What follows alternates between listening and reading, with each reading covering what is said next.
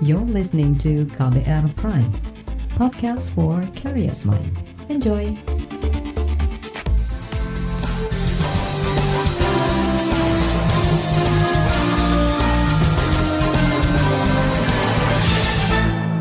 Halo selamat sore saudara, apa kabar Anda sore hari ini? Kembali saya Reski Mesanto hadir di KBR Sore. Hari ini tanggal 11 Mei 2022 dan sore ini saya mau ajak Anda untuk membahas situasi COVID-19 di tanah air. Pemerintah mengklaim Indonesia mulai memasuki masa transisi dari pandemi menuju endemi virus corona. Fase itu ditandai dengan klaim-klaim tren penurunan kasus dan penularan virus.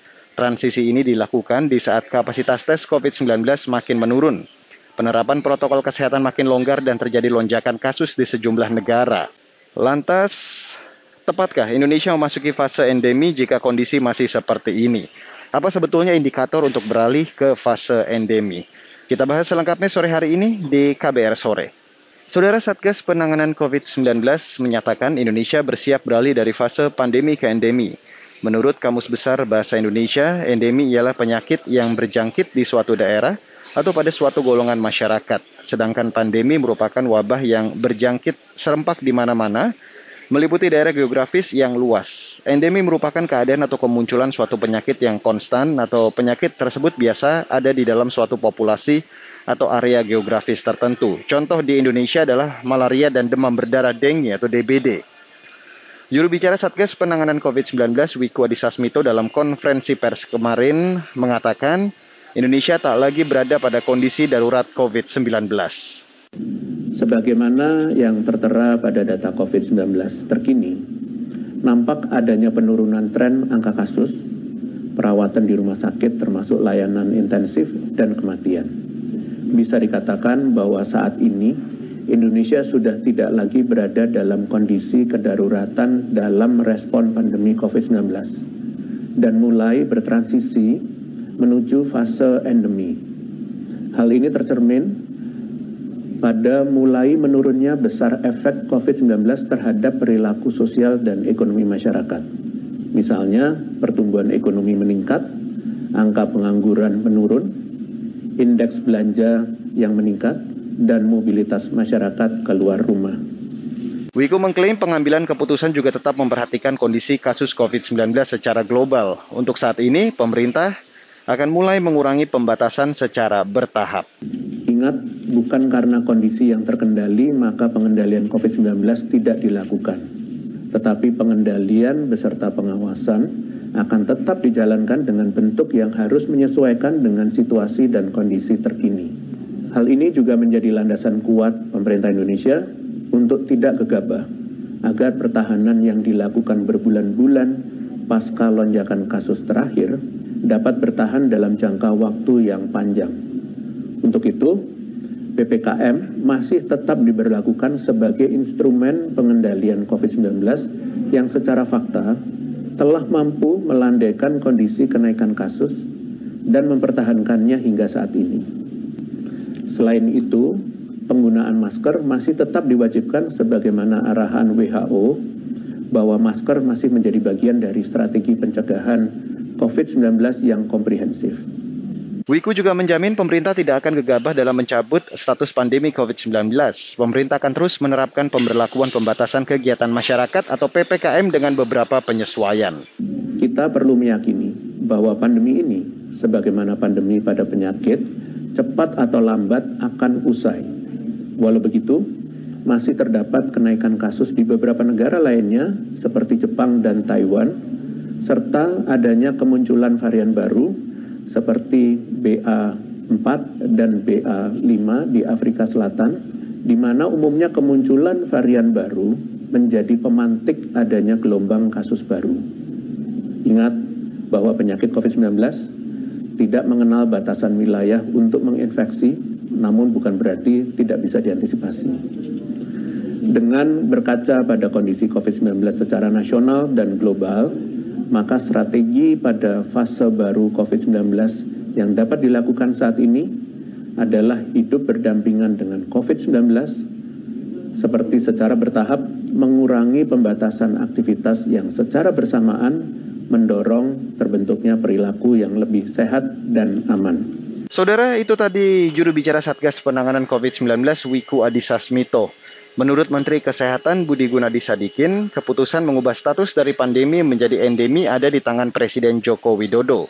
Kata dia, Jokowi akan mempertimbangkan tingkat penularan virus di negara lain serta rekomendasi dari Organisasi Kesehatan Dunia atau WHO.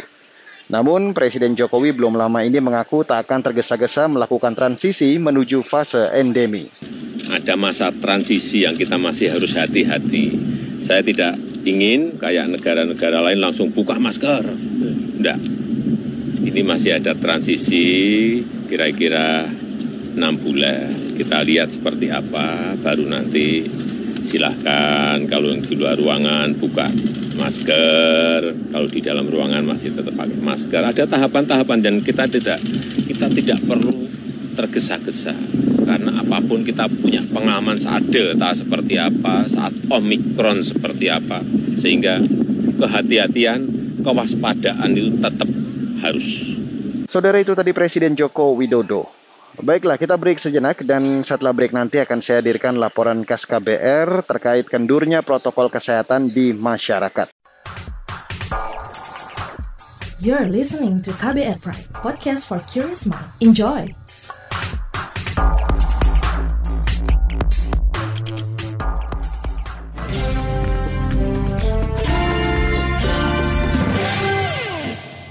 Saudara Lebaran tahun ini menjadi momen istimewa bagi sebagian besar masyarakat Indonesia. Setelah dua tahun ada pembatasan karena pandemi, pemerintah memberikan kelonggaran bahkan izin mudik. Namun, kondisi tersebut membuat banyak orang mengabaikan protokol kesehatan COVID-19. Berikut saya hadirkan laporan khas KBR yang disusun Astri Yuwanasari. Akhir Maret 2022, Presiden Joko Widodo mengizinkan warga mudik lebaran. Namun, Jokowi memberi syarat mudik karena pandemi COVID-19 belum berakhir. Bagi masyarakat yang ingin melakukan mudik lebaran juga dipersilahkan, juga diperbolehkan dengan syarat sudah mendapatkan dua kali vaksin dan satu kali booster, serta tetap menerapkan protokol kesehatan yang ketat. Jalanan pun tumpah ruah oleh para pemudik. Diperkirakan ada 80 juta orang mudik lebaran tahun ini, meski ada risiko peningkatan penularan COVID-19. Berbagai aturan protokol kesehatan pun diberlakukan, mulai dari aturan ibadah di masjid, buka puasa bersama, sampai aturan silaturahmi. Pemerintah daerah meminta para pengelola tempat wisata agar menegakkan protokol kesehatan. Tempat wisata biasanya menjadi salah satu tujuan masyarakat menghabiskan libur lebaran bersama keluarga, seperti di Jawa Tengah yang merupakan salah satu provinsi tujuan mudik tertinggi. Gubernur Jawa Tengah Ganjar Pranowo mengimbau pengelola tempat wisata di Jawa Tengah untuk melaksanakan aturan prokes ketat. Melihat apa yang terjadi di rest area umpama, apa yang terjadi di jalan raya, tadi juga kami cek lagi termasuk di tempat wisata, karena ini banyak menjadi tempat-tempat destinasi lah tujuan mereka nanti berpiknik. Maka saya titipkan kepada teman-teman pengelola pariwisata untuk mereka bisa menjaga protokol kesehatannya. Ya ada tim COVID-nya yang berkeliling dan mengingatkan terus-menerus. Ganjar meminta masyarakat yang sedang berwisata tetap mematuhi protokol kesehatan, khususnya memakai masker dan menjaga jarak saat berekreasi. Namun, ternyata imbauan-imbauan untuk tetap menjalankan protokol kesehatan di tengah banyak pelonggaran tak mampu membuat masyarakat patuh menjalankannya. Dari data Satuan Tugas Satgas Penanganan COVID-19 juga menunjukkan tingkat kepatuhan masyarakat untuk menjalankan protokol kesehatan selama libur puasa dan lebaran menurun. Juru bicara Satgas Penanganan COVID-19 Wiku Adhisa Smito mengatakan, dari data pemantauan protokol kesehatan terjadi peningkatan jumlah orang yang dipantau dan ditegur di tempat wisata. Jumlahnya mencapai dua kali lipat dari hari biasa. Selain itu, juga terjadi penurunan kepatuhan masyarakat untuk menjalankan protokol kesehatan di restoran dan tempat makan, ataupun di permukiman.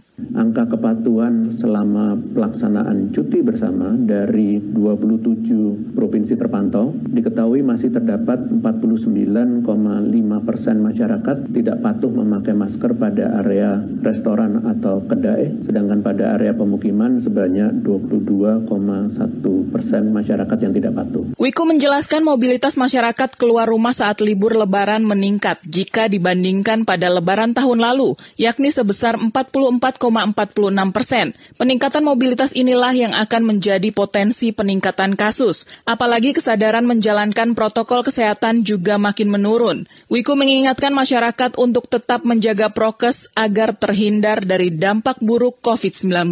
Saya menghimbau kepada masyarakat untuk terus menerapkan protokol kesehatan seperti memakai masker, menjaga jarak yang relatif aman, dan mencuci tangan masih sangat diperlukan pasca lebaran ini untuk meminimalisir efek pingpong penularan COVID-19.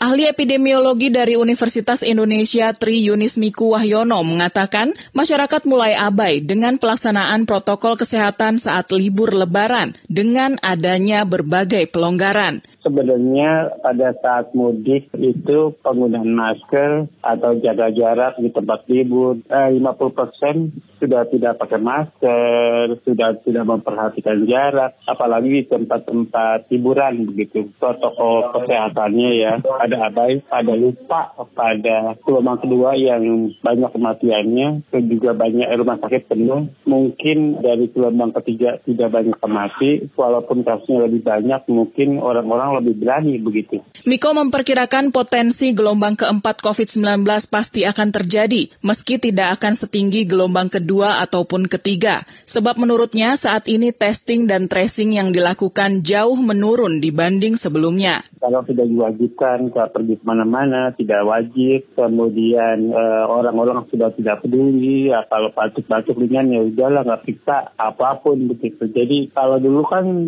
batuk-batuk juga atau panas sedikit aja udah periksa antigen lah, PCR lah begitu. Nah sekarang orang sudah tidak peduli dengan pengalaman gelombang ketiga begitu. Demikian laporan khas KBR, saya Astri Yuwanasari. Saudara, kalangan DPR merespon langkah pemerintah yang akan beralih ke fase endemi. Apa respon DPR? Selengkapnya sesaat lagi. You're listening to KBR Pride, podcast for curious mind. Enjoy!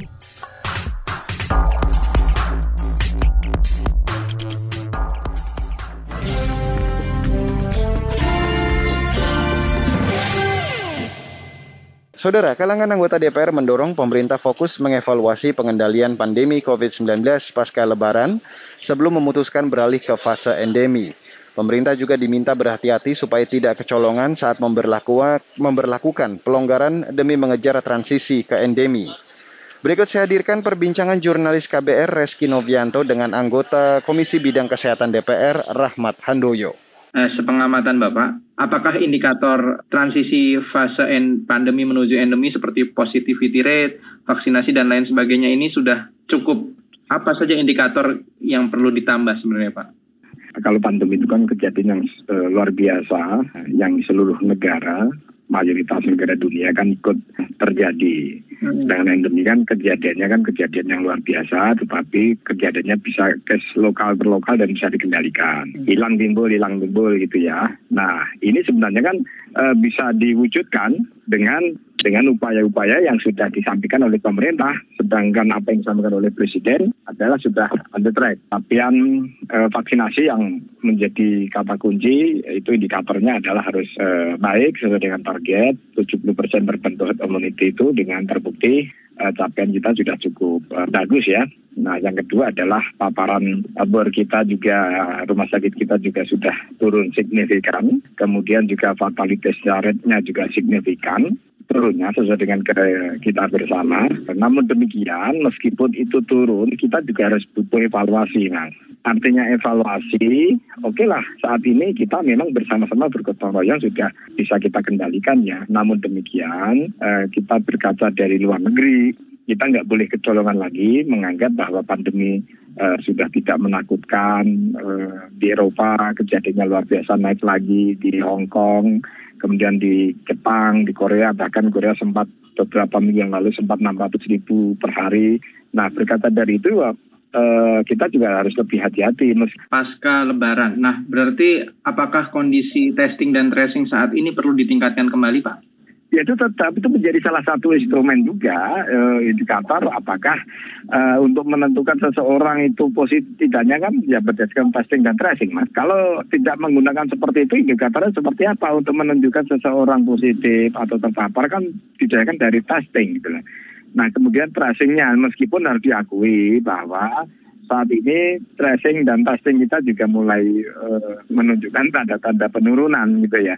Apakah karena masyarakat kita sudah banyak yang OTG, artinya OTG karena didasarkan dari in, apa namanya intervensi uh, penaikan daya tahan tubuh melalui uh, sudah begitu banyaknya uh, vaksin sehingga ketika sudah terpapar itu banyak yang OTG padahal itu positif gitu loh. Nah ini juga menjadi salah satu bahasan kita bahwa ini juga menunjukkan bahwa karena sudah terbentuk herd immunity, kadang-kadang OTG juga tidak merasakan gitu loh. Pelonggaran-pelonggaran ini sebagai bahan evaluasi juga, artinya penyesuaian-penyesuaian juga itu kita juga harus kita evaluasi. Misalnya yang paling utama evaluasi adalah pasca lebaran ini. Pasca lebaran ini kalau naik mungkin ya bisa dimaklumi, tetapi ketika naik atau naik itu masih dalam batas uh, toleransi yang bisa kita secara psikologis masih bisa kita kendalikan.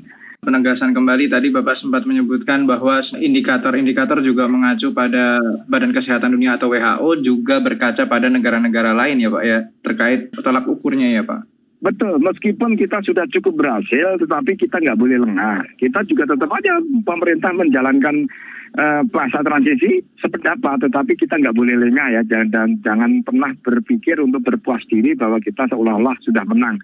Karena apa? Bahwa kejadian dari luar negeri bahwa yang tadinya sudah sangat bagus terjadi lonjakan. Nah ini jangan sampai terjadi di kita gitu. Dan yang kedua kita juga harus uh, meskipun karakteristik virus itu adalah bermutasi yang tadinya uh, berisiko tinggi kemudian menjadi lemah itu juga menjadi uh, bukan berarti itu virus akan seperti itu semua. Tetap kita sebagai bangsa pemangku kepentingan terutama pemerintah dalam kementerian kesehatan untuk berhati-hati bagaimana situasi dan kondisi terhadap mutasi-mutasi uh, virus uh, COVID-19 ini. Saudara itu tadi perbincangan jurnalis KBR Reski Novianto dengan anggota Komisi Bidang Kesehatan DPR Rahmat Handoyo. Sementara itu, saudara, kalangan epidemiolog menyarankan pemerintah fokus mengantisipasi lonjakan kasus ketimbang mementingkan perubahan status menuju endemi COVID-19. Apa alasannya? Selengkapnya sesaat lagi. You're listening to KBR Pride, podcast for curious mind. Enjoy!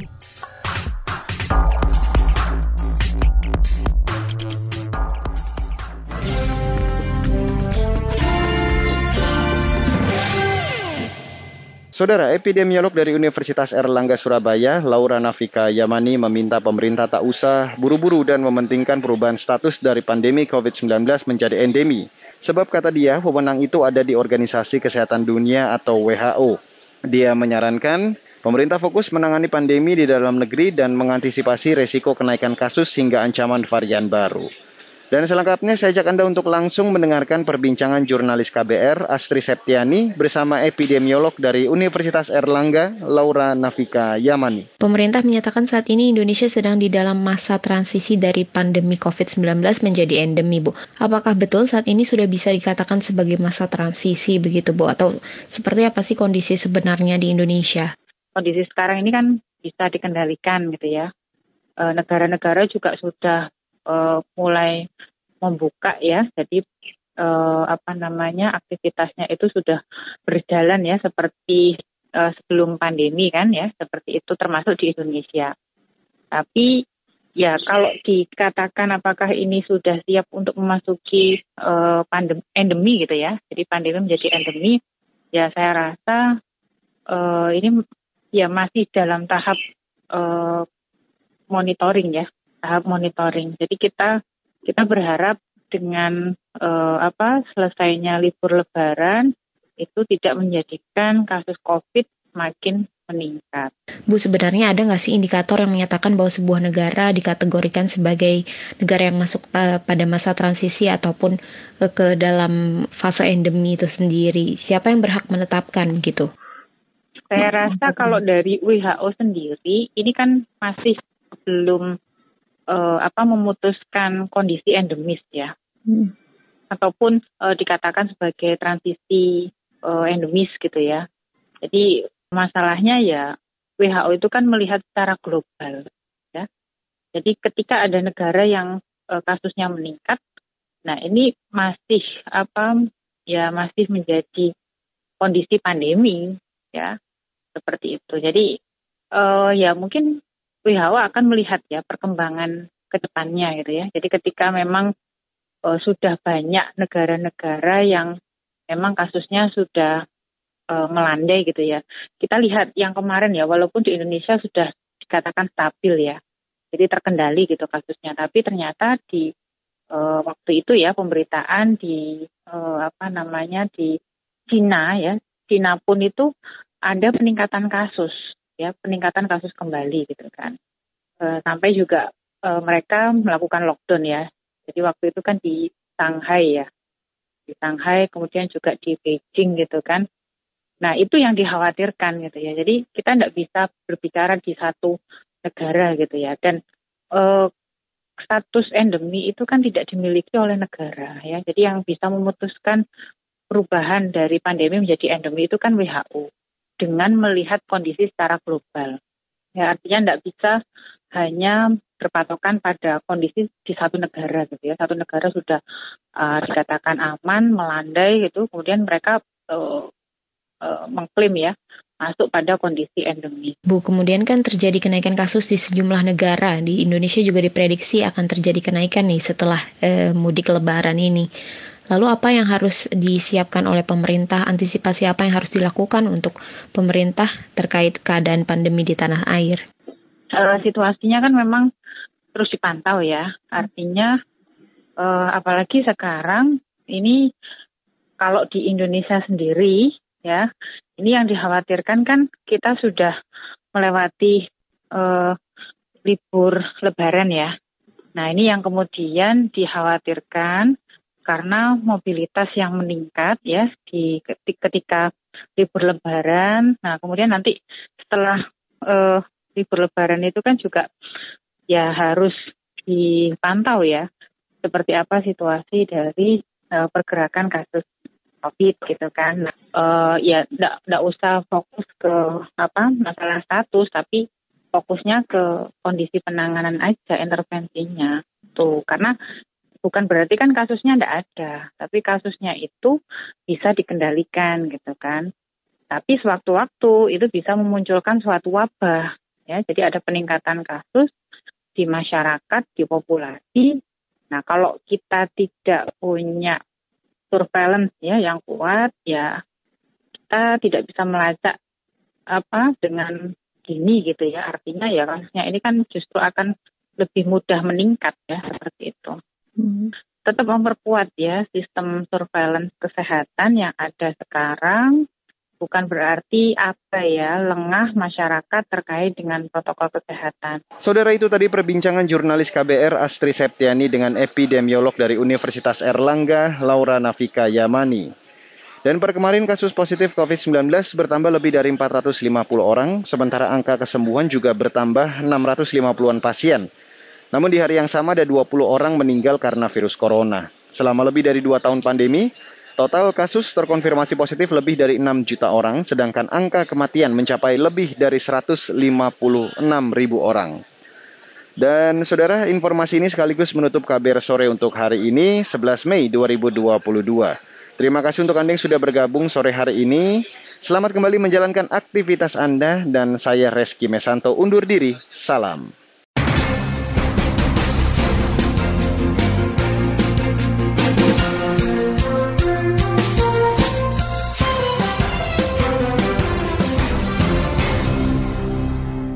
Prime, cara asik mendengar berita. KBR Prime, podcast for curious mind.